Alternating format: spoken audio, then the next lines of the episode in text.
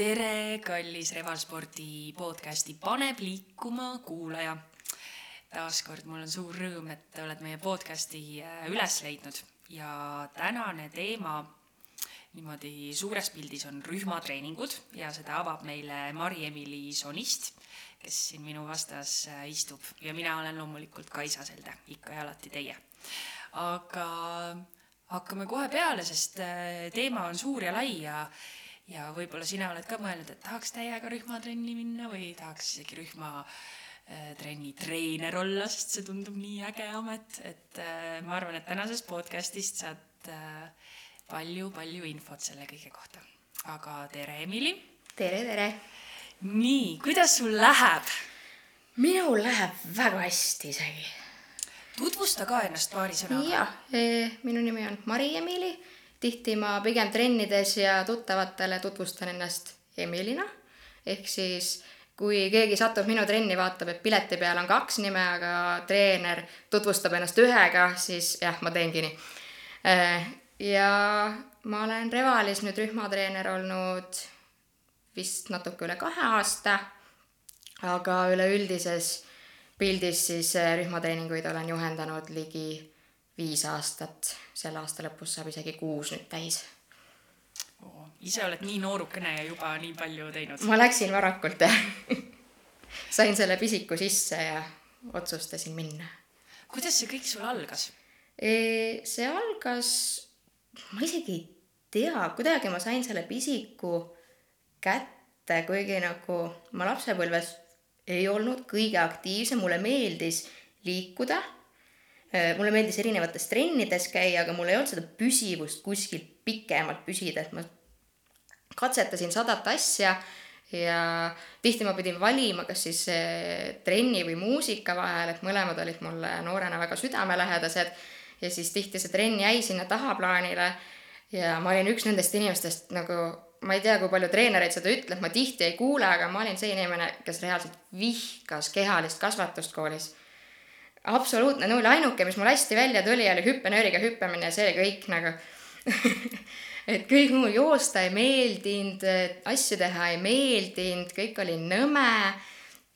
ma võisin kõndida neid ringe mingi vabastusega seal kuskil staadiumi peal, aga mulle ei meeldinud väga palju asju kaasa teha.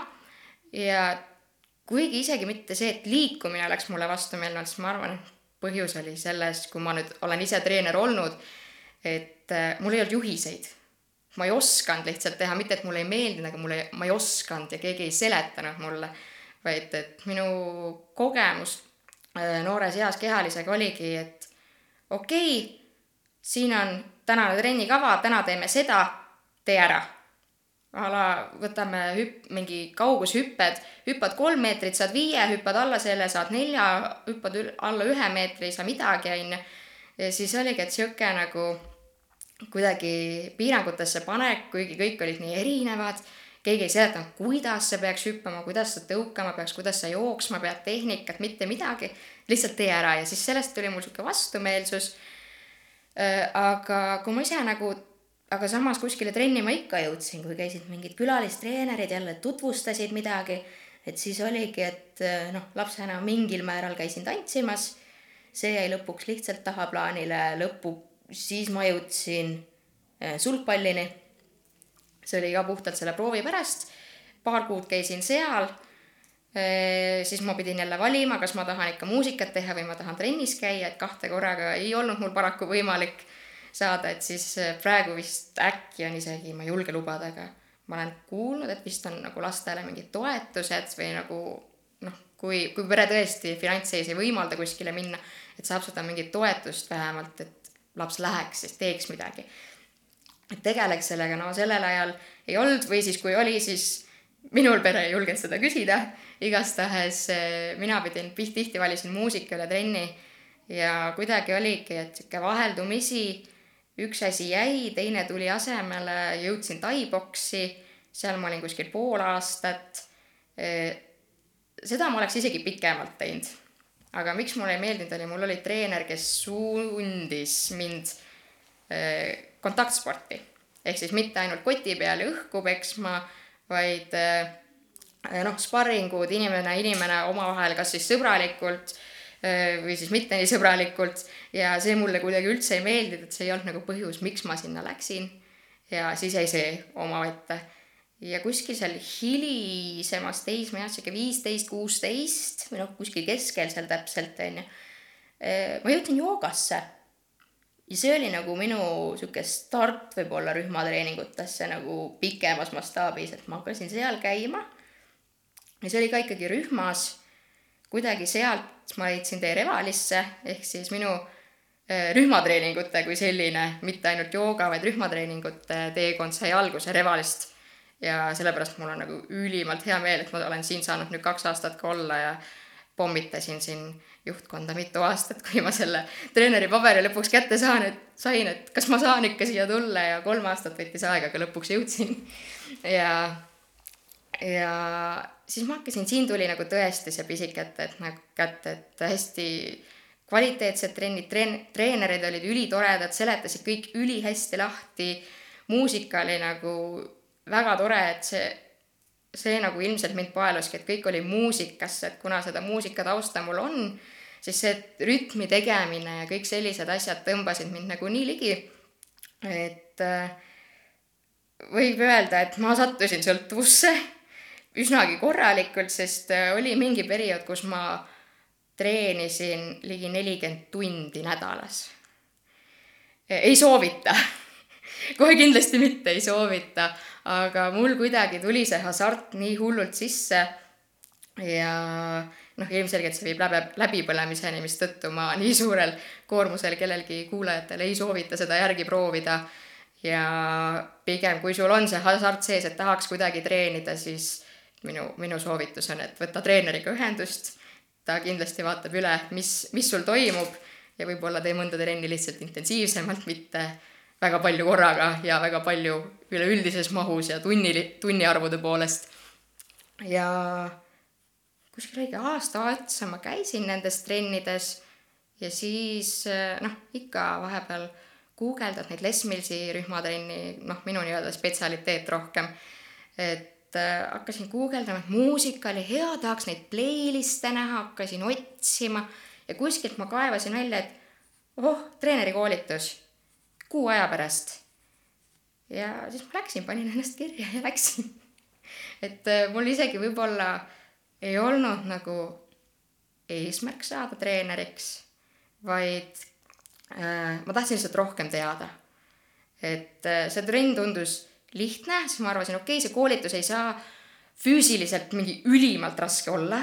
et äh, ma ju trennis olen käinud, et minu jaoks see oli natukene lihtsam trenn, rahulikum trenn et, et küll ma hakkama saan, et isegi kui mul seal välja midagi ei tule, treeneriks ei saa, pole hullu, ma saan rohkem teada sellest trennist täpsemalt ja see võib-olla, mis oligi, et natukene kuidagi sealt mugavustsoonist jälle välja oli see minek.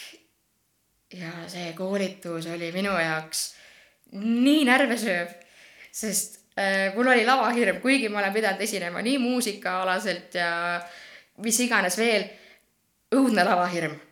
Nagu adrenaliin, lakke, suu kuivab kinni, tekst läheb nii kiiresti suust välja, ise ei saa ka aru, mida sa räägid keel läheb sõlm täiesti nagu paanika. aga õnneks mul olid väga head juhendajad seal koolitusel, kes andsid mulle paar head ideed. esimene päev ma pidin tõesti noh, seal koolitusel peab juhendama juba, et äh, sinna koolitusele ikkagi eeldus on, et sa tahad treeneriks saada. ja et sa pead juhendama, isegi kui sa võib-olla ei taha treeneriks saada, tahad lihtsalt selle tunni kohta rohkem teada, nii-öelda koolitusel osaledes sind pannakse juhendama seal. Et näe, näha, kuidas, samuti annaks, antakse neid juhtlõngu, et mida paremini teha ja nii edasi, nagu ikka koolitustel. ja ma mäletan, et oma nii-öelda viimase päeva seal koolitusel ma sõin rahusteid ja jõin Red Bulli. Et kuidagi nagu rahuneda, rahuneda, aga samas mitte magama jääda aga ära ma selle tegin. ja siis selline paar kuud hiljem kus ma olin saanud kodus harjutada rääkimist, olin sõpradele juhendanud paar trenni, kus mul oligi väga vähe inimesi, sihuke kaks-kolm-neli inimest korraga. ja siis mulle pak-, siis ma otsustasin, et mulle ikka see juhendamine meeldib. et ma ju selle treeneri paberi sain kätte lõpuks seal Body Balance'ilt ja järgmine oli Body Pump ja siis ma sain juba ka tööpakkumise oma esimesse spordiklubisse tööle ja sellest ajast saadik ma olengi täiskohaga enamasti ikkagi treener olnud.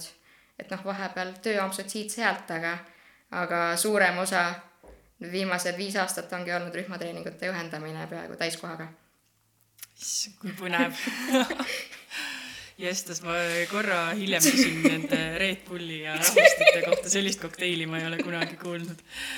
aga eh, kui lähme natukene ajas ikkagi tagasi, kui sa, mm, kas sa mäletad seda esimest joogatrenni, mis su elu siis nii-öelda muutis? et mis seal see treener siis nii teistmoodi tegi, et sa olid enne seda käinud ju nii mitmes trennis, kehalise kasvatusele juba käega löönud, aga mida see joogatreener siis, kuidas ta sind ära võlus? See oligi, et võib-olla kui teistes rõhuti, et tee ära ja ole parem ja ole tugevam, siis see jooga oli just selline hea rahulik, et äh, mitte, et jooga ülimalt kerge oleks, seda saab ka väga intensiivselt teha, aga see oligi, et esimene kord ja treener oligi, et aga võta omas tempos, ta nägi, et ta sai paindu nii hästi, tõmba jalad koomamale. sul võib-olla õlad vajuvad ettepoole, noh, joogatreener tõesti võis käia ringi ja puudutada siis inimesi, alati ta küsis, kas ta tohib. et see oli minu jaoks suur pluss, et niimoodi lihtsalt käed külge. mul, mulle väga ei meeldi, kuigi nüüd ma olen sellega juba harjunud, aga aga et nüüd mul nagu selle vastu enam midagi ei ole, et see on ka niisugune treeneri töö, niisugune füüsiline lähedus kuidagi selle treeneri tööga oh, on nagu tunduvalt igapäevasemaks saanud. ja nagu enesekindlusega, siis oli jah, et ma nagu ei tahtnud, et keegi mind puuduks, aga siis ta tuli, küsis, et kas ma tohin, et ma parandaks natuke su tehnikat, ma lubasin. Ja mulle just meeldis, et ta nagu märkas kõiki reaalselt trennis, kuigi trennis võis olla seal kakskümmend, kolmkümmend inimest, ta käis seal ridade vahel, ta kohendas kõiki, kus ta nägi, et võib-olla saaks paremini, saaks rohkem, mitte et ta oleks sundinud, aga just niimoodi sõbralikult ta kuidagi suunas ja parandas. ja oligi, et ma ei pidanud tegema mitte midagi, mida ma ei jõudnud, ma sain alati teha selle pausi, kui mul oli seda vaja. ja kuidagi see tõmbas sinna sisse et äh, noh, rühmatreeningutes ma võiks tuua paralleele, et noh, me tihti seal võib-olla ringi ei käi, oleneb treeningust muidugi, aga just see, et tegelikult äh, treenerid suunavad sind nii palju just, et sa leiaksid selle oma koormuse, selle õige koormuse ja kuigi vahepeal võib tunduda, et nii mina kui võib-olla mõni mu kolleeg on sihuke hull pushija trennis, et ja tee ja tee ja tee ja tee ja ma ei välista, et ma karjun, ma tihti karjun väga palju trennis, aga et, aga alati on see, et ma üritan alati selgeks teha ka inimestele, et kuule, kui ma ikka push in liiga palju, näita mulle ükskõik mida, kas käega stoppi või mida iganes muud. et ma saan aru, et sa lõpuks ei jõua, et ma näen seda, vaata ja see oligi, et nagu see treener nägi täpselt, et millal ma ei jõua, millal ma saan, millal on vaja seda motivatsiooni, millal on vaja tagasi tõmmata. ja seda ma üritan ka enda trennides nüüd teha, et et kui, kuigi ma olen suur pushija ja veel ja veel ja alati saab paremini ja noh, see, see, see ei ole see, et sa pead täna ideaalne olema, vaid ongi, et väiksed suunitlused omas tempos Äh, eriti just body balance'is, mis mul esimene oli, et see on täpselt selline trenn, kus tulebki täiesti enda tunde järgi teha. et äh, noh, mitte öelda, et pole õiget ega valet, aga põhimõtteliselt, et noh, valetehnika puhul ma ei ütleks, et ta on vale, vaid on, on ohtlik tehnika ja on mitteohtlik tehnika ja seda ma olen ka tunni alguses tavaliselt maininud, et tee nii, kuidas sa suudad et kui ma näen, et see on potentsiaalselt ohtlik, ma juhendan sind, kuidas sa sealt välja saad niimoodi, et see eh, harjutus ei ole sulle liiga raske. et, et eh, see, ma arvan, et see oligi, mis mind nagu tõmbas, et sa said kõike teha nagu just sellise koormusega, nagu sul vaja oli. et keegi ei push inud, nagu oli a la kehalises kunagi, nagu oli poksitrennis kunagi, et sul oligi kolmkümmend sekundit puhkus, okei okay,, lähme järgmine raund, on ju. et noh, kuigi ma naudin neid trenne ka juba, on ju, ja päris ammu juba, aga, aga tollel ajal see oli nagu too much ja siis see oligi, et see jooga kuidagi juhendas mind niimoodi, et ma sain tugevamaks, ma sain selle enesekindluse, et ma saan teha täpselt nii palju, kui ma tahan ja lõpuks ma nägin, et ma suutsingi rohkem. et, et keegi ei teinud sind justkui maha või ei pannud halba hinnet või midagi sellist. Ma kuidagi keerutan ühte sama teksti praegu, mul on tunne ei, ei, väga palju uut infot tuleb. väga palju uut infot. jaa, sa äh, tõid äh, mulle ka meelde kooliaja, kus meil olid äh, suusapäevad, kus lihtsalt anti suusad kätte, öeldi mine tee. mine tee ja nüüd aja peale ja jah, sellest ajast. ma, ma võin tunnistada, et talvespordid ja sellised on siiamaani mulle väga vastumeelsed siiamaani ei oska, siiamaani ei oska. Võib-olla kunagi võtan veel kätte ja üritan juhendajaga vähemalt tehnikat õppida, et siis oleks see nauditavam, aga lihtsalt suusad kätte ja rajale, ma arvan, et ma ei lähe kunagi Õnneks meil on väga häid treenereid, kes, kes oskavad juhendada nii sind kui mind. Võtame teineteisel käest kinni ja lähme üks päev me teeme selle ära. aga eh, siis huvitav fakt, mis sa ütlesid või isegi hirmutav fakt on see võib-olla õige väljend. Nelikümmend tundi trenni nädalas. mis, mis su keha selle peale tegi? ütleme nii, et ma pidasin tegelikult vastu küllaltki pikalt. ma ei hakanud seda korraga niimoodi, et ma teen nüüd null trenni ja buum, nelikümmend. vaid see kuidagi kasvas, et ma tõesti alustasin see kaks-kolm trenni nädalas. siis ma nautisin seda rohkem, ma mõtlesin, oh, siin on nii palju huvitavaid trenne, ma lähen veel. ja veel ja veel ja veel ja ma ei osanud kuidagi seda jagada. Et ma ei osanud enda jaoks seda nagu treeningplaani sättida, prioriteet, prioritiseerida eh, neid trenne, et mida ma tahan rohkem teha, mida vähem, ma tahtsin ju kõike teha, kõik oli nii tore, kõik treenerid olid nii tore, ma tahtsin kõigile tere öelda. et eh, lõpuks oligi, et ah, ma tahan selle, sinna trenni minna, nüüd sinna, nüüd sinna ja siis oligi, et et juhtuski, et ma jõudsin, käisin veel tööl ka sellel ajal, kuidas ma ei suuda enam mäletada, kuidas ma seda kõike tegin. sa vist ei maganud too periood. kusjuures magasin päris hästi nagu ma suutsin seda kõike nagu teha, aga praegu tagant mõeldes ma ei, ma ei kujuta ette, kuidas. aga see oligi, et noh, tööl oli lõunapaus, ma läksin trenni. Tund aega oli söömiseks, ma nelikümmend viis sellest tegin trenni, viisteist sõin, onju. ja siis äh, peale tööd jälle trenni. kell viis lõppes tööpäev, ma lõpetasin äh, trenni kell kümme. otse töölt trenni, trennist koju, magama, hommikul üles, läheb päev algusest peale, algab trenniga, lõpeb trenniga.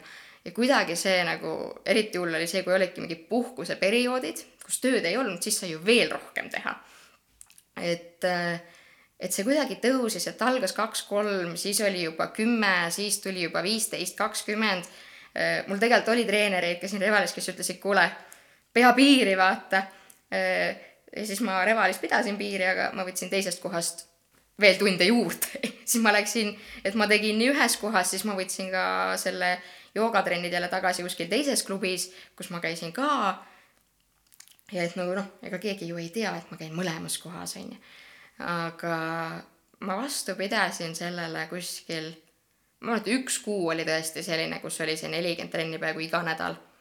ja peale seda oli null. peale seda oli kaks kuud null. ma lihtsalt ei suutnud mitte midagi teha, ma ei suutnud voodist ka püsti tõusta. et see tuli nagu kuidagi väga järsku, et see oligi, üks päev jäi vahele lõpuks. ja siis oli täiesti lõppes, täiesti lappes kaks kuud jutti kuni ma siis jälle selle kuidagi, kuidagi enne, ennast jälle kuskile vedasin, hakkasin vaikselt uuesti pihta ja tunduvalt mitte selle koormusega enam, millega ma lõpetasin, vaid äh, ta oli ikkagi küllaltki palju. ma õnneks ei kaotanud oma vormist just kuigi palju või nagu seda, et kui palju ma jõuan teha. aga ma arvan, et ma jätsin sellest neljakümnest lõpuks alles viis, kui ma uuesti sinna trenni läksin et äh, see oli tõesti, kuigi ma mäletan seda nagu väga positiivset asja, et aa, ma jõudsin nii palju ja blablabla bla, bla, siis tagantjärgi mõeldes see lõhkumine, millest ma sellel ajal aru ei saanud ja kuidas see crash seal tegelikult nii pikk oli ja vaimselt väga raske, siis äh, ei soovita, ei kavatse ka ise seda teha enam. et äh,, et see oli julm. et selline tõeline treeningsõltuvus. no täiesti. aga eh, too hetk, kui sa väga palju trenni tegid, kas sa tundsid, et see sõltuvus on ka mentaalne kuidagi, et kui üks trenn nüüd seal lõunapausi ajal ikkagi ülemus ütleb, et näed, ma ei saa sind lõunapausile täna äh, saata, pead ikkagi tööd tegema, sa trenni ei jõua. mis tunne sul siis oli? see mind väga ei, see ei heidutanud mind, kui ma päeval ei saanud. et see päeval oligi selline, kui mul oli hetk, siis ma läksin. Üldiselt ma selle hetke leidsin, sest noh, graafik oli niimoodi üles ehitatud ja aga siis oligi, et kas ma ärkasin hommikul varem, tegin hommikul selle tunni ette ära või ma läksin õhtul veel pikemalt. et, et see oli kuidagi jah, et ma kuhugi selles ikkagi sobitasin. kui ei olnud täna, siis teeme homme tund aega rohkem ja et ma arvan, ma isegi ei lugenud neid trenne otseselt, et mitu ma nädalas teen, seda ma lugesin tagantjärgi.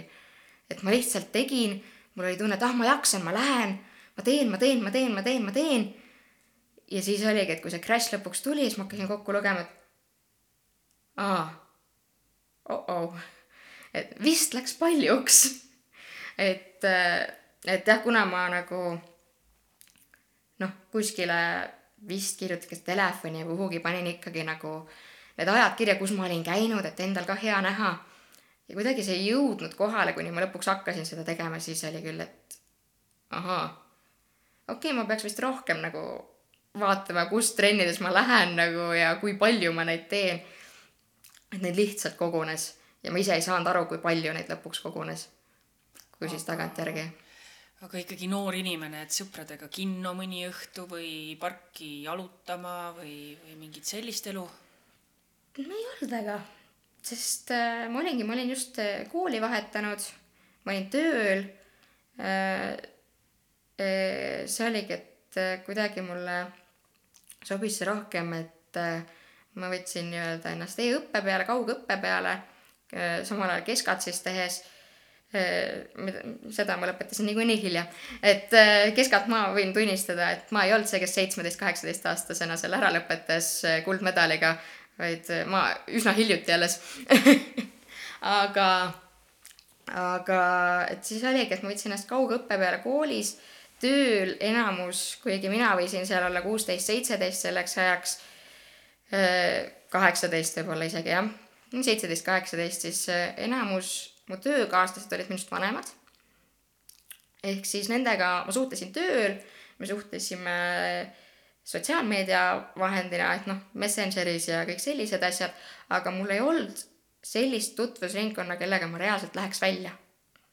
vaid mul olid kõik olid töökaaslased, sõbrad koolist väga, kuna ma olin kaugõppel, siis ma ei teadnud, kellega ma seal koos klassis olen või, või mis nagu toimub. et mul oligi, mul oli töö, trenn. kodu oli magamiseks. töö ja trenn, töö ja trenn, et see oli nagu täiesti haigla nagu praegu nagu mõelda, et nagu ma ei kujuta ette sellist elu enam. Ma olen kuulnud sellist äh, linnalegendi, ma ei tea, kas see vastab tõele, et mis sina sellest arvad, et kui, kui äh, tekib treening sõltuvus, siis inimene kuidagi nagu tahaks äh, kusagilt põgeneda, et näiteks äh, kui on paari suhtes midagi kehvasti, siis inimene pigem teeb õhtul need viis trenni järjest, kui et peab koju minema sinna, kus äh, ei ole kõik nii tore kui siin spordisaalis, kus muusika mängib ja tuled vilguvad ja, ja muidugi see füüsiline liikumine tekitab veel hea tunde. Äh, ma olen täiesti nõus. ma olen täiesti nõus sellega. et äh, see oligi, et noh, kuna mul, kuna mul oligi töö ja trenn, siis miks ma kodus vahepeal ei olnud? ma oleks ju võinud teha kaks tundi trenni, minna koju, aga kodus oli üksindus, ei tahtnud üksi olla ehk siis mul oli jumala äge minna trenni, kus mul on äh, kakskümmend, kolmkümmend, nelikümmend, mõnes trennis viiskümmend, kuuskümmend inimest ümber äh,. isegi kui ma ei räägi nendega, nad on mul ümber, kõik teevad ühte sama asja, kõik teevad koos, kõik inspireerivad üksteist, on ju, sihuke kambavaim ja muidugi see oli mõnus, sest mul ei olnud kuskile mujale minna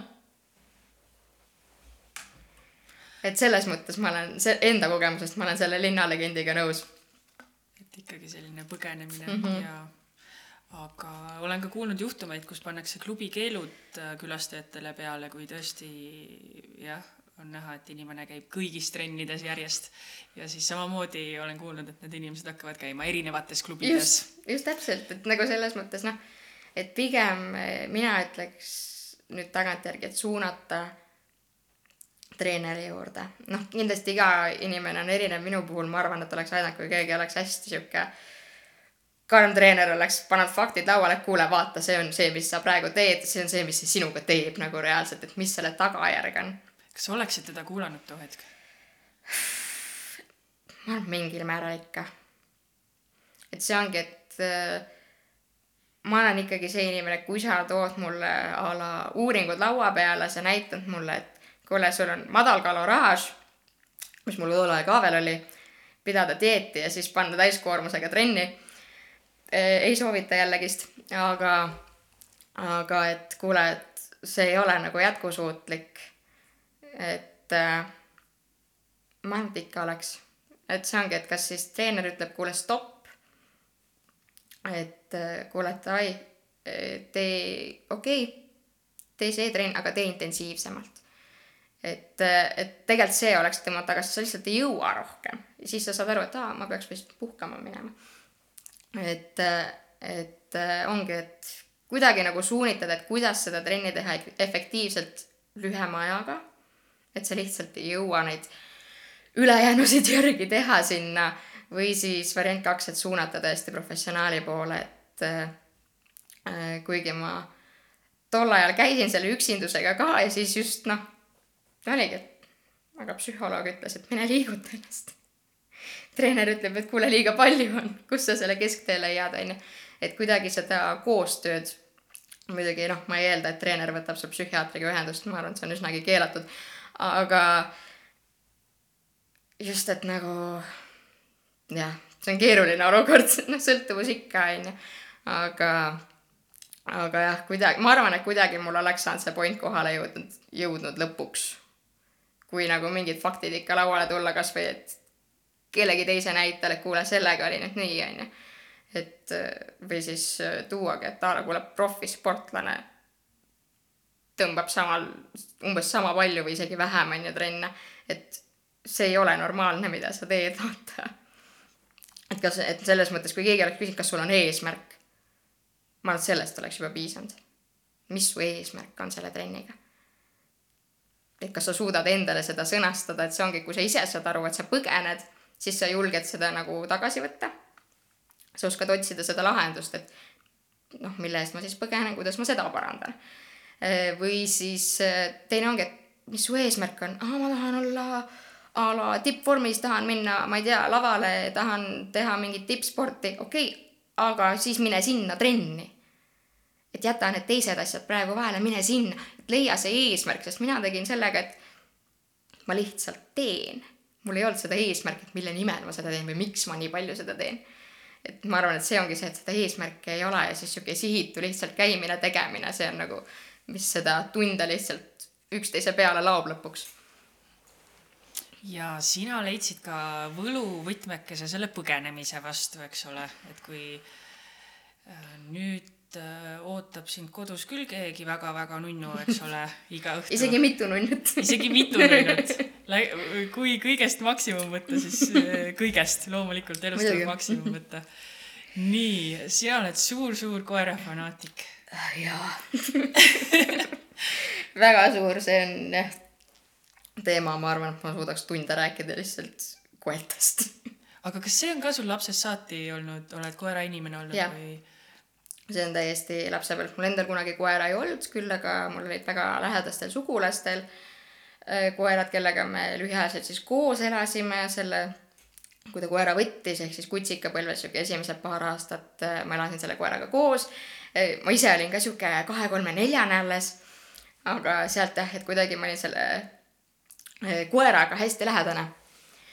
ja siis oligi, et kui ma olin juba vanem, toodi see koer hoidu. Eh, noh, kahjuks jah, koerad ei ela nii kaua kui inimesed. ehk siis vaieldamatult lõpuks tuli sinna asemele teine koer. kui esimest enam ei olnud, siis ma hoidsin teda kutsikapõlves kõik edasi, kuni siis jah, ma sain lõpuks enda ema juurest välja minna, et ema mulle koera ei lubanud, siis nii kui ma välja kolisin, kuu aja pärast ma võtsin ise endale koera. ja nüüd, nüüd ma, nüüd ma elan kahe koeraga, nii et. Nii et nüüd enam ei saa nelikümmend tundi äh, trenni teha. kindlasti mitte. nüüd peab koertega nüüd jalutamas peab koertega, no see on omaette trenn, eks ole. aga ma Absoluutselt. muidugi seda trennina ei võta, et kindlasti annab seda trenniks teha ja ja kindlasti koera võtmine ja temaga tegelemine tõstab ka inimese aktiivsust. aga jah, ma ei loe seda trennina, sest mu tähelepanu on sada protsenti koertel jalutamise ajal, mitte mu enda treeningul, et äh, ma võin seal rahulikult jalutada, vähem teha, rohkem teha, et ma, ma ei lähtu sellest, mida mina tahan, vaid ma lähtun sellest, mida koerad tahavad, et see, see on nende aeg. jaa, väga äge, nii et äh, tegelikult igal asjal on lahendus olemas, see tuleb muidugi, lihtsalt muidugi leida., just. Äh, nii, aga nüüd ma rohkem koerte kohta ei küsi, muidu meil saade tulebki ainult koertest. mul ei ole mitte midagi selle vastu, mina olen ka koerainimene. aga mm, sa mainisid seda Les Millsi, et see kuidagi kõnetas sind. miks, miks just Les Mills? ma arvangi, et suur osa sellest oli see muusika aspekt seal, et äh, enamus, kui mitte kõik, on sinna ikkagi üles ehitatud muusikasse. paari erandiga, kus muusika on taustaks ja saab teha omas tempos asju tõesti. aga enamus on selline muusika tempos ja pigem rõhutakse just, et vali endale sobiv siis treeningvariatsioon. noh, vahepeal võid kindlasti puhata, puhkepausi teha Äh, või siis võtta kergema variandi, raskema variandi, et mis sulle sobib, aga just see, et see kõik läheb nagu nii muusikasse, et mul oli alati, et nagu äh, noh, ma ise nagu mäletan, kuidas ma seostasin seda kõike nagu tantsuga. et kuna mul see mingi algeline tantsupõhi oli, ma ei väida üldse, et ma olen hea tantsija, ma olen kohutav tantsija, aga kuna mul see tantsu ja muusika põhi sealt kuskilt varajasest lapsepõlvest oli, siis ma nagu kuidagi nagu samastasin seda, et aa, see on nagu tantsimine, aga ma ei pea tantsima. eks ma ei oska tantsida, aga ma teen muusikasse liikumist. Technically sama asi, onju. on küll põhimõtteliselt tantsimine, tõesti, kui sa niimoodi just, onju, ja siis oligi, et noh, aga siis ma tantsin kangiga ja tantsin rattaga ja tantsin kõige muuga, et et selline mõnus muusikasse liikumine ja mulle meeldis ja ja just oligi, et kuna need treenerid saavad sealt küllaltki põhjaliku koolituse just, kuidas juhendada äh, seda trenni ja kuidas seda läbi viia, nii et see sobiks kõigile äh, ja et äh, noh, et see sobiks kõigile, et siis see kuidagi noh, sobis tõesti mulle ja mulle meeldis seal käia. ja ma hakkasin rohkem käima, kuni lõpuks siis koolituseni välja, et ja seal koolitusel äh, sa rääkisid, et kõige suurem väljakutse oli see esinemis. juhendamine just, juhendamine. sest äh, kuigi seal oli vähe inimesi koolitusel, me olime äkki kuskil kaheksakesi. Ma võin võrdlus, esimesel body äh, balance'i omal siis oli kuskil kaheksa inimest, kui ma õieti mäletan. võrdluseks ma võin tuua, et body pump'i ala- omal oli nelikümmend. et äh, body balance oli sihuke vaikne algus äh, ma teadsin ühte-kahte inimest seal, kes olid juba treenerid. et ma teadsingi neist sellest, et ma olin nende trennis käinud. ülejäänud ei olnud mulle tuttavad inimesed, aga kõik olid juba varasemalt treenerid. Ehk siis mul oli just sihuke nagu kerge sihuke alaväärsuskompleks, et okei okay,, kõik juba teavad, mida nad teevad, kõik on juba treenerid olnud mõnda aega. et kõik oskavad seda ja siis tulen mina kuskilt nagu rahva seest, mitte midagi ei oska, ei julge teiste ees õieti rääkidagi ja suud lahti teha. selline väike hall hiireke seal kuskil onju. aga õnneks jah, need, keda ma teadsin, olid väga toetavad seal koolitusel ja kõik andsid väga head ja sõbralikku nõu ja kuigi esimene-teine päev olid stressirohked, siis ma ütleks, et see oli minu elus väga suur edasiminek ja sealt edasi aina rohkem ja aina rohkem, et see lavahirm nagu kadus ära. see kadus ära ka igapäevaelus. mitte nüüd täielikult, mõnikord tuleb ikka sihuke mõnus judin sisse, aga nüüd on juba rohkem see, et ta ei ole see ärevus, vaid ta rohkem juba elevus. et, et lõpuks oligi, et ma sain aru, et kui ma tean, millest ma räägin, siis ma julgen seda teha.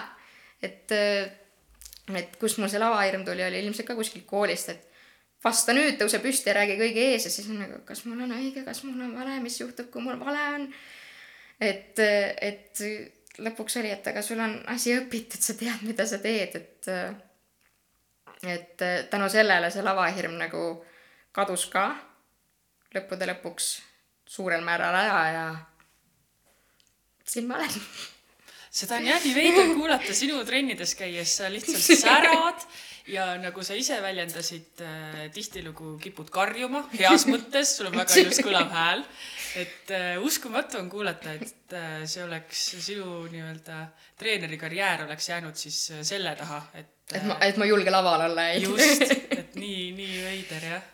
ja see läks päris kiiresti üle, nagu ma aru saan äh,. jah et noh, eks ikka seal kuidagi sõpradele ma olin ka veel närvis, esimesed äh, juhendamised olid ka veel närvilised. aga oligi, et äh, eks noh, iga treener on selle läbi teinud. kindlasti ma ei usu, et kõik lähevad esimene kord enesekindlalt sinna peale ja nüüd on nii, onju et äh, noh, mõne, mõni ikka on, mõni on juba iseloomult selline, et ta tõesti läheb, onju. aga, või vähemalt tundub, et ta läheb enesekindlalt peale ja petab väga hästi ära. aga üldiselt on jah, et kõik äh, ülejäänud treenerid, samuti ka kliendid, kõik on hästi toetavad olnud. et äh, väga, ma julgeks isegi, ma julgeks isegi öelda, et negatiivset tagasisidet ei ole. et kui on nagu tagasiside, mis võib tõlgendada negatiivsena, siis pigem on see selline konstruktiivne tagasiside ikkagi, et äh, et kuidas saada paremaks, et selline, et see ikka üldse ei lähe ja jube on ju, et noh, sellist ei ole olnud. ma usun, et keegi päris sellist ei jäta ka, et äh, kui keegi tõesti mõtleb mu trennis, et issand, kui jube, siis tule ütle mulle, mis jube oli. ma ei solvu selle peale, ausalt, see ei ole negatiivne, vaid jälle üks koht, kust edasi minna. nii et sa tõsimeeli ootad ausat tagasisidet? jaa, täiesti. et, et äh, mul on olnud inimesi, kes ütlevad, kuule, sa push isid mind täna liiga palju. et okei okay,, ma järgmine push in vähem. vaatame, kuidas läheb või siis teine variant, kui inimene, noh, mõni tuleb juba naerma, kuule issand, see oli nii jube, sa push isid nii palju, aga kas sa jõudsid rohkem? jaa, aga siis ma täitsin oma eesmärgi ma täitsin sinu eesmärgi, võib-olla sa ei teadnudki, et sul see eesmärk on, aga nüüd sa tead enda kohta ka rohkem. et äh, kes võib-olla veel ei tea, siis üks minu lemmiktrenne on sprint. ja ütleme, et see on päris karm ütleme, et ta on äh, päris karm, jah, alati nagu rühmatreeningut kõike annab teha enda järgi, et mitte, et kedagi nüüd ära hirmutada seal.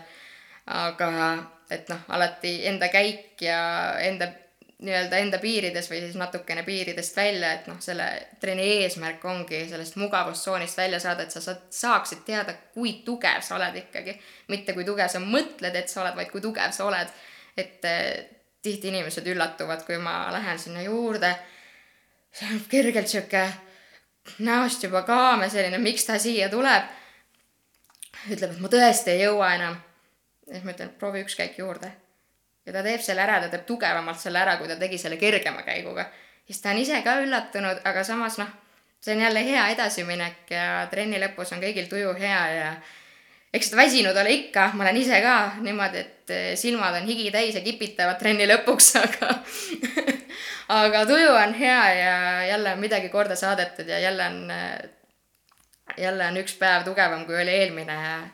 et ma arvan, et see on ka, miks mulle see nagu meeldib, et võin tunnistada, ma olen sprindi koolitusel nutnud sest see oli nii intensiivne ja jälle heas mõttes, et see oligi, et mind push iti lihtsalt nii palju. ma loodan, et ma kedagi nii hullult push inud ei ole. see ei ole mu eesmärk kedagi nutma ajada, aga äh, mu tollane siis treener, kes siis treenerit koolitas seal Äh, tõesti käis ja lisas ise nagu massiivselt juurde neid käike. Äh, ei küsinud ka, kas tohib, äh, vaid lihtsalt läks ja keeras ja keeras ja keeras ja siis mul oli küll tunne, ma ei suuda enam lihtsalt. ja see oligi see füü-, füüsiline juba murdumispunkt, et no tõesti, jalad ei käi all ringi, taha palju sa tahad, suru palju sa surud. ja see oli nagu nii intensiivne, aga siis oligi, et kolm, kaks, üks raund sai läbi. ja siis see lihtsalt pingelangus oli nii suur, et see lihtsalt uh, aga lõpuks oligi see, et okei okay,, noh jah, selle mingi mis iganes mitmekümnes käik seal juba oli. seal oli muidugi teine ratas kui meil siin on ju, aga ütleme a la ma ei tea, sajast protsendist, mis seal rattal annab panna peale, kaheksakümmend oli peal äkki, on ju, ja no see ratas ei käi ringi, on ju. see on nagu ulmenine raskus. okei okay,, kaheksakümnega ma tõesti ei jõua, aga kui ma enne sõitsin neljakümnega ja pärast sõida, seda sõidan kuuekümnega selle protsendi ulatuses, siis noh, et äh, tegelikult ma olin nagu väga tänulik, et mind seal nii hullult push iti. et äh, ma sain nagu selle trenni mõttest aru ja see on nagu, mida ma üritan ka edasi anda enda trennides, vähemalt sprindi osas. oh jess, kuulan sind suu lahti ja silmad on nii suured, et kukuvad kohe peast välja, aga ähm, aga Les Mills on jällegi selline ähm, nii-öelda väga nõudlik treenerile, et mm -hmm. sa pead kõik äh, kaasa tegema mm. -hmm. ja sul ei ole ainult üks trenn päevas, et see põhiline küsimus äh, ongi arvatavasti paljudel kuulajatel, et ku- kuidas sa jõuad, kuidas sa jõuad päevas teha need viis trenni või ja, ja igapäevaselt või igapäevaselt kolm trenni ja kõik kaasa teha sealjuures, naeratada ja kusjuures äh, need, kes veel ei tea, siis äh, trenni ajal rääkimine on midagi muud, kui et vaikuses äh, lihtsalt muusika kuulamine. ma ei tea, mulle rääkimisega on. lihtsam. ahah, sul rääkimisega lihtsam. no siis äh, sündinud treener ikkagi, siin ei ole midagi mul on rääkida lihtsam kui niisama teha. mul on pigem see probleem, et suu ei taha kinni püsida. aga, aga. kuidas sa? jaksad, kui, kui mitu trenni sa päeva jooksul annad? Äh, minu enda graafik, püsiva graafiku järgi üldiselt üks-kaks praeguse järgi. mul on olnud päevi, kus ma tõesti annangi kolm ja viis trenni ja paratamatult, kui juhtub äh, elulisi hetki, kus mõni treener vajab, et keegi teine teeks teda trenni, kas siis on puhkusel või tervislikel probleemidel, et noh, siis ikka minnakse appi ja asendatakse ja paratamatult see toob ka koormust juurde. aga see ongi, et nüüd selle treeneritöö käigus ma olen õppinud enda piire. ehk siis kuigi me pingutame ja teeme kõike kaasa, siis väike saladus, treenerid ei tee alati sada protsenti enda võimekusest kaasa nii et te petate meid. vahepeal võib, vahepeal võib, mul on äh, äh, noh, kõige populaarsem body pump äh, üldiselt ma teen seal noh, täiesti maksimumi, ma tõesti enam treeningute juhendamisel ei tee, sest noh, siis on tõesti see, et kui ma ikka endal need kilod peale sinna laon, siis sorry, piiksugi välja ei tule. aga sihuke kerge, et see on lihtsalt noh, sa hingeldad seal nii palju, et noh, mõni mõtlebki, et kuidas sa veel räägid no,. sellepärast räägingi, et mul ei ole sada protsenti peal. et äh, aga ma teen seal üsnagi, ütleme sihuke viiskümmend, seitsekümmend viis protsenti kogu võimekusest üritan ma ikkagi kaasa teha. ma leian, et kui ma ikka väga lihtsalt teen, siis see tunnetus endal ei ole õige. et noh, mul on ka imelik karjuda ja teeme veel viimased. kui, kui mul endal on mingi nagu tühja kangiga. tühja kangiga onju, et noh, paratamatult vahepeal ka endal, kuna meil see koormus on suur, siis juhtub apsakaid, kas tõmbad midagi ära, juhtub midagi muud, onju. kasvõi mitte isegi treeningute käigus, vaid mis, kasvõi väljaspool treeningut, eks ole. et äh, kus me peamegi tagasi võtma ja kergemalt tegema ja sel juhul me seda ka teeme. vähemalt mina üldiselt äh, olen õppinud mitte ennast nii hullult lõhkuma peale vigastusi. ja, ja aga noh, see ongi tolle, sel-, selle aja kohta nii-öelda maksimum, kus ma taastun. ja eks ta nii on. mis küsimus on? et kuidas sa jaksad. kuidas ma jaksan lihtsalt, lihtsalt sihuke tegemise rõõm. et see on jälle kõik koos, et selles mõttes, et noh, mina motiveerin inimesi, samamoodi inimesed motiveerivad mind. Et äh, kus ma näen, et äh, mõni, kes tõesti regulaarselt käib, kuidas ta alustas võib-olla üks kilo kangil kummalgi pool ja mõni aeg hiljem teeb seda kahe pooleste või viiestega juba, onju et, et mind, mind motiveerib, motiveerivad inimesed täpselt sama palju, kui mina motiveerin seal ees inimesi. Et näha seda ed-, edasiminekut ja see, kuidas inimesed naudivad seda trenni, et ma saan seda nagu neile edasi anda selle, sellisena, et nad seda tõesti naudivad. et see on nagu energiaallikas iseenesest ja noh, natukene adrenaliini tuleb ikka sisse seal laval olles, ma usun, et sa, sa nõustud jaa, absoluutselt, aga tahtsingi kuulda sinu nippe, et et no päevad ei ole vennad, ei saa midagi teha, ärkad hommikul üles, paned selle vasaku jala maha, aga trennis sa ikkagi naeratad ku,. Ku, kuidas, kuidas no, see, see võimalik on? see on selline, minu jaoks on sihuke off switch jälle kuskilt äh, võib seda, ma ei tea, kas seda põgenemiseks kutsuda päris, aga vahepeal ongi vaja seda võib-olla põgenemist või hetke iseendale, ütleme niimoodi, et parem sõnastus võib-olla. et, et, et see ongi, et see on see hetk päevas, kus ma kas siis, kui ma lähen ise trenni, kas ma keskendun iseendale, kui ma annan trenni, kus ma keskendun teistele, et nemad saaks selle hetke oma päevast, kus nad saavad lihtsalt olla. ja see ongi, et see on see enne trenni algust sihuke klõks. Ja vahet pole, kui halb mu päev võis olla või kui hea mu päev võis olla, mul on trenn, mul on siin, ma olen selles hetkes, et, et kõik nagu väline võimalikult välja lülitada lihtsalt ja võtta see puhkehetk justkui endale, et imelik öelda, et ma teen trenni ja see on mu puhkusega aga kuidagi nii ta on välja kujunenud ja mulle täiesti meeldib ja mul on endal tunne, et mõned mu parimad trennid on olnud nagu kõige hullematel päevadel üldse, mis mul elus olnud on, et nii et suudad ennast täiesti välja lülitada ja pühenduda. just. just, väga õige. Äh, kui palju sa ise trenni teed lisaks trenni andmisele? Peab tunnistama, et vähe see on kuidagi periooditi, et mingi aeg jälle rohkem, mingi aeg vähem. et äh, kuidas, kuidas parasjagu tunne on, et see oleneb ka, kui palju ma äh, trennis annan endast, et et ongi, et mitte läbi põleda, siis ütleme, et see on päris hea teadus seal panna, et okei okay,, millal ma saan ise trenni minna nii, et mu töö kvaliteet ei kannataks trenni andes. Et äh, siis tihti ongi, et kas ma kasutan seda tõesti trenni osaliselt ka enda treenimiseks, kus ma a la ongi, et üks päev panen jalgadele bodypumpis rohkem raskust peale, teine päev seljale ja jaotan selle trenni kuidagi enda rühmatrennide vahel ära niimoodi, et ma mingis loos tõesti annan endast maksimumi, teises loos jälle vähem, eks ole, et et ma nagu täiesti errorisse trennis ei, ei jookseks seal lava peal.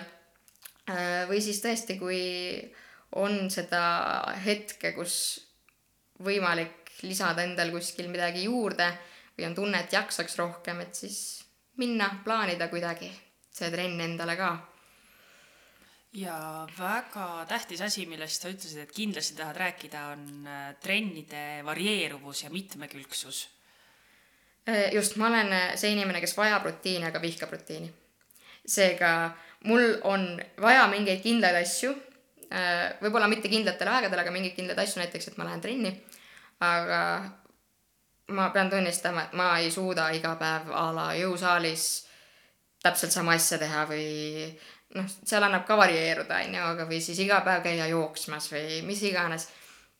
et äh, just see mitmekülgsus on, mis ma leian, et on mind teinud mitmekülgsemalt ka tugevamaks. et äh, ma, ma ei arenda ainult ühtesid samasid lihaseid kogu aeg samade harjutustega, vaid ongi, et natukene jõudu, natukene kardiot, natukene seda venitusi ja muud sellist ka sinna juurde, et äh, see on just selline paras äh, paras kompott seda, et eh, on midagi erinevat. et sul ei ole üks ja sama ja uuesti ja uuesti ja uuesti, kuigi ajad võivad olla täiesti samad, et noh, selles mõttes rutiin ju tegelikult on, mul on vaja juhendada ük-, seda trenni see päev, seda trenni see päev, seda trenni see päev, on ju. aga just see, et nad on niivõrd erinevad, et see hoiab mul kuidagi pea värskena ja ma ei, ma ei tüdine ära sellest et võib-olla see on see minu saladus, et kuidas ma jõuan seal trennis ka nii palju teha ja naeratada ja kõike, et ma ei, ma ei tüdi ära sellest trennist, sellepärast et mul on ka muud, mida teha nüüd. et ma ei kujutaks ette teha iga päev äh, body pump'i või kaks korda body pump'i kasvõi on ju, et äh, üks on see, et see on hullumeelsus äh,, ei soovita jälle iga päev body pump'i teha. ma tean, see on tore trenn, seda on tore teha, aga võib-olla paar korda nädalas aga mida sa soovitad äh, kuulajatele, kes näiteks käib sinu äh, bodypumpis, on ju mm? -hmm. Ähm, mida sinna bodypump'i kõrvale siis võiks teha näiteks? ma arvan, body balance on väga hea vaheldus või siis äh, jooga või, või pilates samamoodi, et sellised äh, võib-olla natukene rahulikumad trennid. kui rahulik ei sobi, pole ka hullu, on ju, et saab ka nii-öelda tempokamalt asju teha. aga just, et sa töötaks äh, neid lihaseid teistmoodi. et liigestel oleks natukene teistmoodi, lihastel see töö oleks natukene teistmoodi, et kuigi jah, noh, kolme kuu tagant see kava vahetub ja kolme kuu tagant jälle natukene miskit põletab ja liigutus on teistmoodi olnud ja lihas annab tunda, siis äh, mina leian, et see paari harjutuse muutmine ei ole minu jaoks paras variatsioon. et mul on sinna midagi muud vaja juurde, et kas siis midagi, mis tõesti arendab painduvust, midagi, mis äh, kardio poolest, kui sa tunned, et bodypump'is clean and pressi ajal süda tahab välja hüpata ja kops on täiesti kokku kukkunud, siis miks mitte kardiotrenni natukene kõrvale võtta, et jälle üks toetab teist täiesti. aga see revalspordi kava on nii otsatu, pikk ja värviline ja ilus, et ku, ku, kuidas siis peale hakata või millest alustada? minna proovima. minna proovima? minna proovima, mine proovi. et noh, saab ka ju lugeda neid kokkuvõtteid kus sa võib-olla saad aimu, kas see trenn on üldse sinu jaoks. samuti, kes on selle tunniplaani lahti võtnud, näeb, et see on väga värviline. et iga värv ka tähistab midagi ja seal on juhised olemas, mis tõesti on see jõutrenn, milline on see kardiotrenn.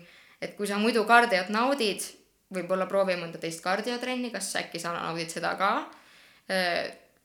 kui, kui ühte ei naudi, proovi teist, äkki hoopis teistsugune kardio on sinu jaoks. või siis ongi, et kui sa kogu aeg ainult kardiot teed, aga mõtleks, et tahaks jõudu juurde, aga mine proovi jõutrenni, eks ole.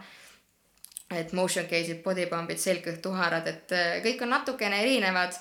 Äh, mitmed asjad ka kattuvad, kui sa oskad õigesti vaadata neid ja ma usun, et nagu saab seda variatsiooni, et lihtsalt proovida, et mis, mis sulle sobib, milline trenn, milline treener, et äh, tihti on ka see, et okei okay,, võib-olla minu body pump ei meeldinud, aga mine proovi kellegi teise oma et võib-olla sulle, et noh, mul on ka olnud selliseid hetki, kus ma lähen trenni, mulle trenn nagu meeldib, aga miski ei sobi.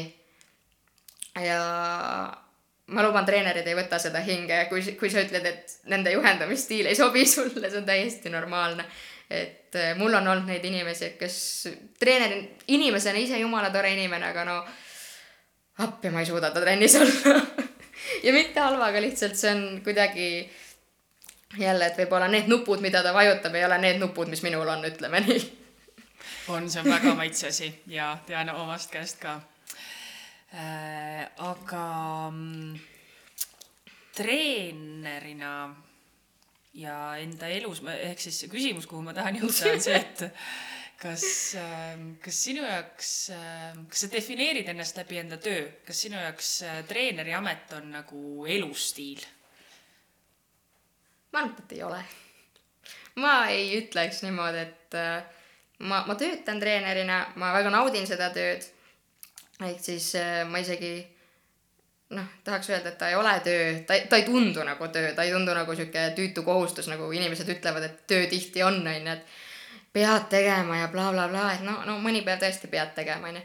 aga üldiselt see on asi, mida ma naudin, et nagu öeldakse, et leia, leia see, mida armastad ja sa ei tööta päevagi elus, on ju et äh, ma arvan, et treeneritöö on selline asi, et äh, kindlasti ta mingil määral tuleb ka elustiili alla, et see liikumine ja kõik see kandub sinna edasi, et äh, ma olen nagu õppinud seda armastama, nagu ma ütlesin, et ma ei olnud selline, kes nagu tuli sellest, et ah, ma käisin tippspordikoolis ja tegin seda ja olin kohe lapsepõlvest saadik aktiivne, et absoluutselt mitte, aga et see kuidagi nagu leidis mind ja siiamaani on nagu sobinud, aga ma ei ütleks, et see on kogu see, mis ma teen. võib-olla koerad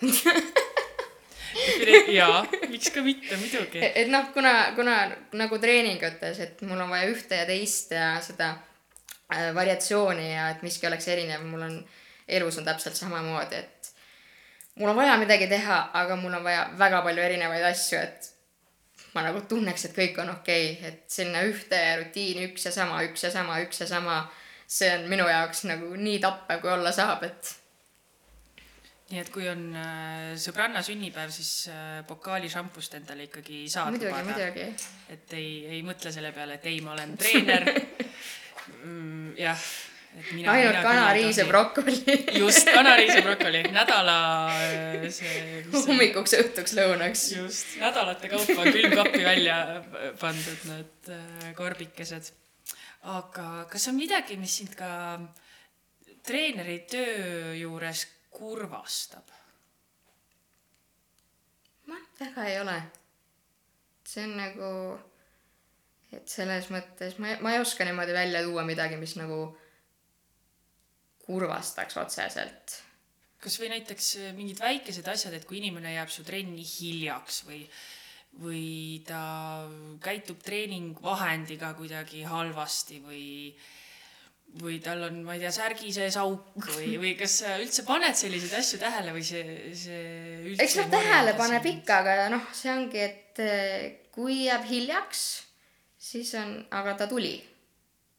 aga ta tuli, et selles mõttes see on minu jaoks juba kompliment, et isegi kui ta jäi hiljaks, ta üritas oma parimat, et ilmselt jõuda aega, et ma usun, et keegi ei, meelega ei taha hiljaks jääda, vaid see ongi, et sa teed endast parimat jõuda sinna kus sa tahad olla ja kui tema otsustas, et tema tahab olla minu trennis kas või viis minutit või kümme minutit pärast trenni algust, siis tule, võib-olla see ei ole just kõige parim ta kehale, aga minule see on suur kompliment, et ta tuleb, aga siis ongi, et kuidas ma jälle juhendan teda, et ta ei vigastaks ennast, et täiesti külmalt treeningusse poole pealt sisse sadada ei ole kindlasti kõige tervislikum, et siis ma ütleks, et pigem võta see trenn rahulikumalt Äh, kui see, et kui sa oleks seda trenni algusest saadik teinud koos soojenduse ja kõige muuga.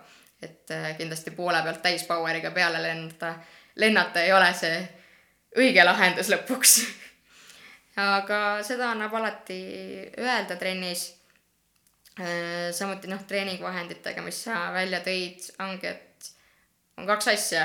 Kas inimene ei oska seda kasutada ja see on minu töö talle selgeks teha, kuidas seda, kuidas seda kasutada. selle jaoks ma seal olengi või siis kui tahtlikult, noh, siis ma arvan, et see käib juba üleüldise kohta, et noh, keegi tahtlikult lõhkuma hakkab midagi, siis see ütleb rohkem selle inimese kohta, kes seal lõhkuma hakkab no need olid nii äärmuslikud näited. just, no see oli äärmuslik nagu näide ka just, ega. Et äh, ma ei usu, et mul nagu selles mõttes midagi on, mis mind kurvastab otseselt. et äh, noh vahepeal ikka mõtled, et aa, kuhu üks või teine inimene jäänud on. üldiselt tavaliselt, kui nad ikka tagasi tulevad, siis ma mõnikord uurin, et kuule, pikk paus jäi vahele, et mis toimus. oli reisil, tegi midagi muud, käis proovimas mingit teist trenni, kõik on jumala okei okay,, et, et noh, et äh, ma ei ütleks, et see on jälle kurvastus, vahepeal lihtsalt lihtsalt mõtled, kus, kus keegi on. Jah, selline väike igatsus, see mhm. teeb ainult head. Äh, meie aeg on armutu ja ähm, tahakski siia lõppu viimase küsimusena küsida su käest, et mis sind treeneri ameti puhul kõige rohkem rõõmustab? et inimesed, kõige rohkem ikkagi inimesed, et, äh, et äh, näha seda, kuidas inimesed naudivad liikumist. võib-olla see on raske, võib-olla trenni ajal nii väga ei naudi, aga just see trenni lõpp, ma arvan ja ma usun, et mitmed ka nagu nõustuvad, kes isegi trennis käivad, et see midagi on tehtud võib-olla paremini kui eile. kui ei ole, sa jõudsid ikka kohale, sa tegid midagi enda jaoks ja näha seda nagu rõõmu inimestes, kui nad on selle asja nagu ära teinud, kas siis ilma minuta või minuga, soovitatavalt minuga. Alati tore ikkagi näha, onju, et äh, et see on nii tore ja ülimalt tore, kui keegi isegi jagab, et kuule, ma täna jõudsin rohkem ja, või siis, et kuule, ma hakkasin siin käima, aga ma tänu sellele sain teises kohas hoopis rohkem hakkama, et sellised väikesed võidud, mida inimesed nagu jagavad, kas siis omavahel koos, mis nad on ise saavutanud, mis nad on koos saavutanud. et eh, just sellised väikesed võidud, ma usun oh,. suur-suur aitäh sulle, Emily, mina sain igal juhul targemaks ja tahaks juba sinu trenni tulla, see pamp tundub nii ahvatlev, siis ma nüüd järgmine kord piilun, vaatan. millise lihasgrupi puhul sul on kõige rohkem raskust peal, siis ma olen jälle kaval, vaatan, ahah, täna Emily treenib äh, õlgu ja väga äge suur,, suur-suur aitäh sulle! aitäh sulle ka!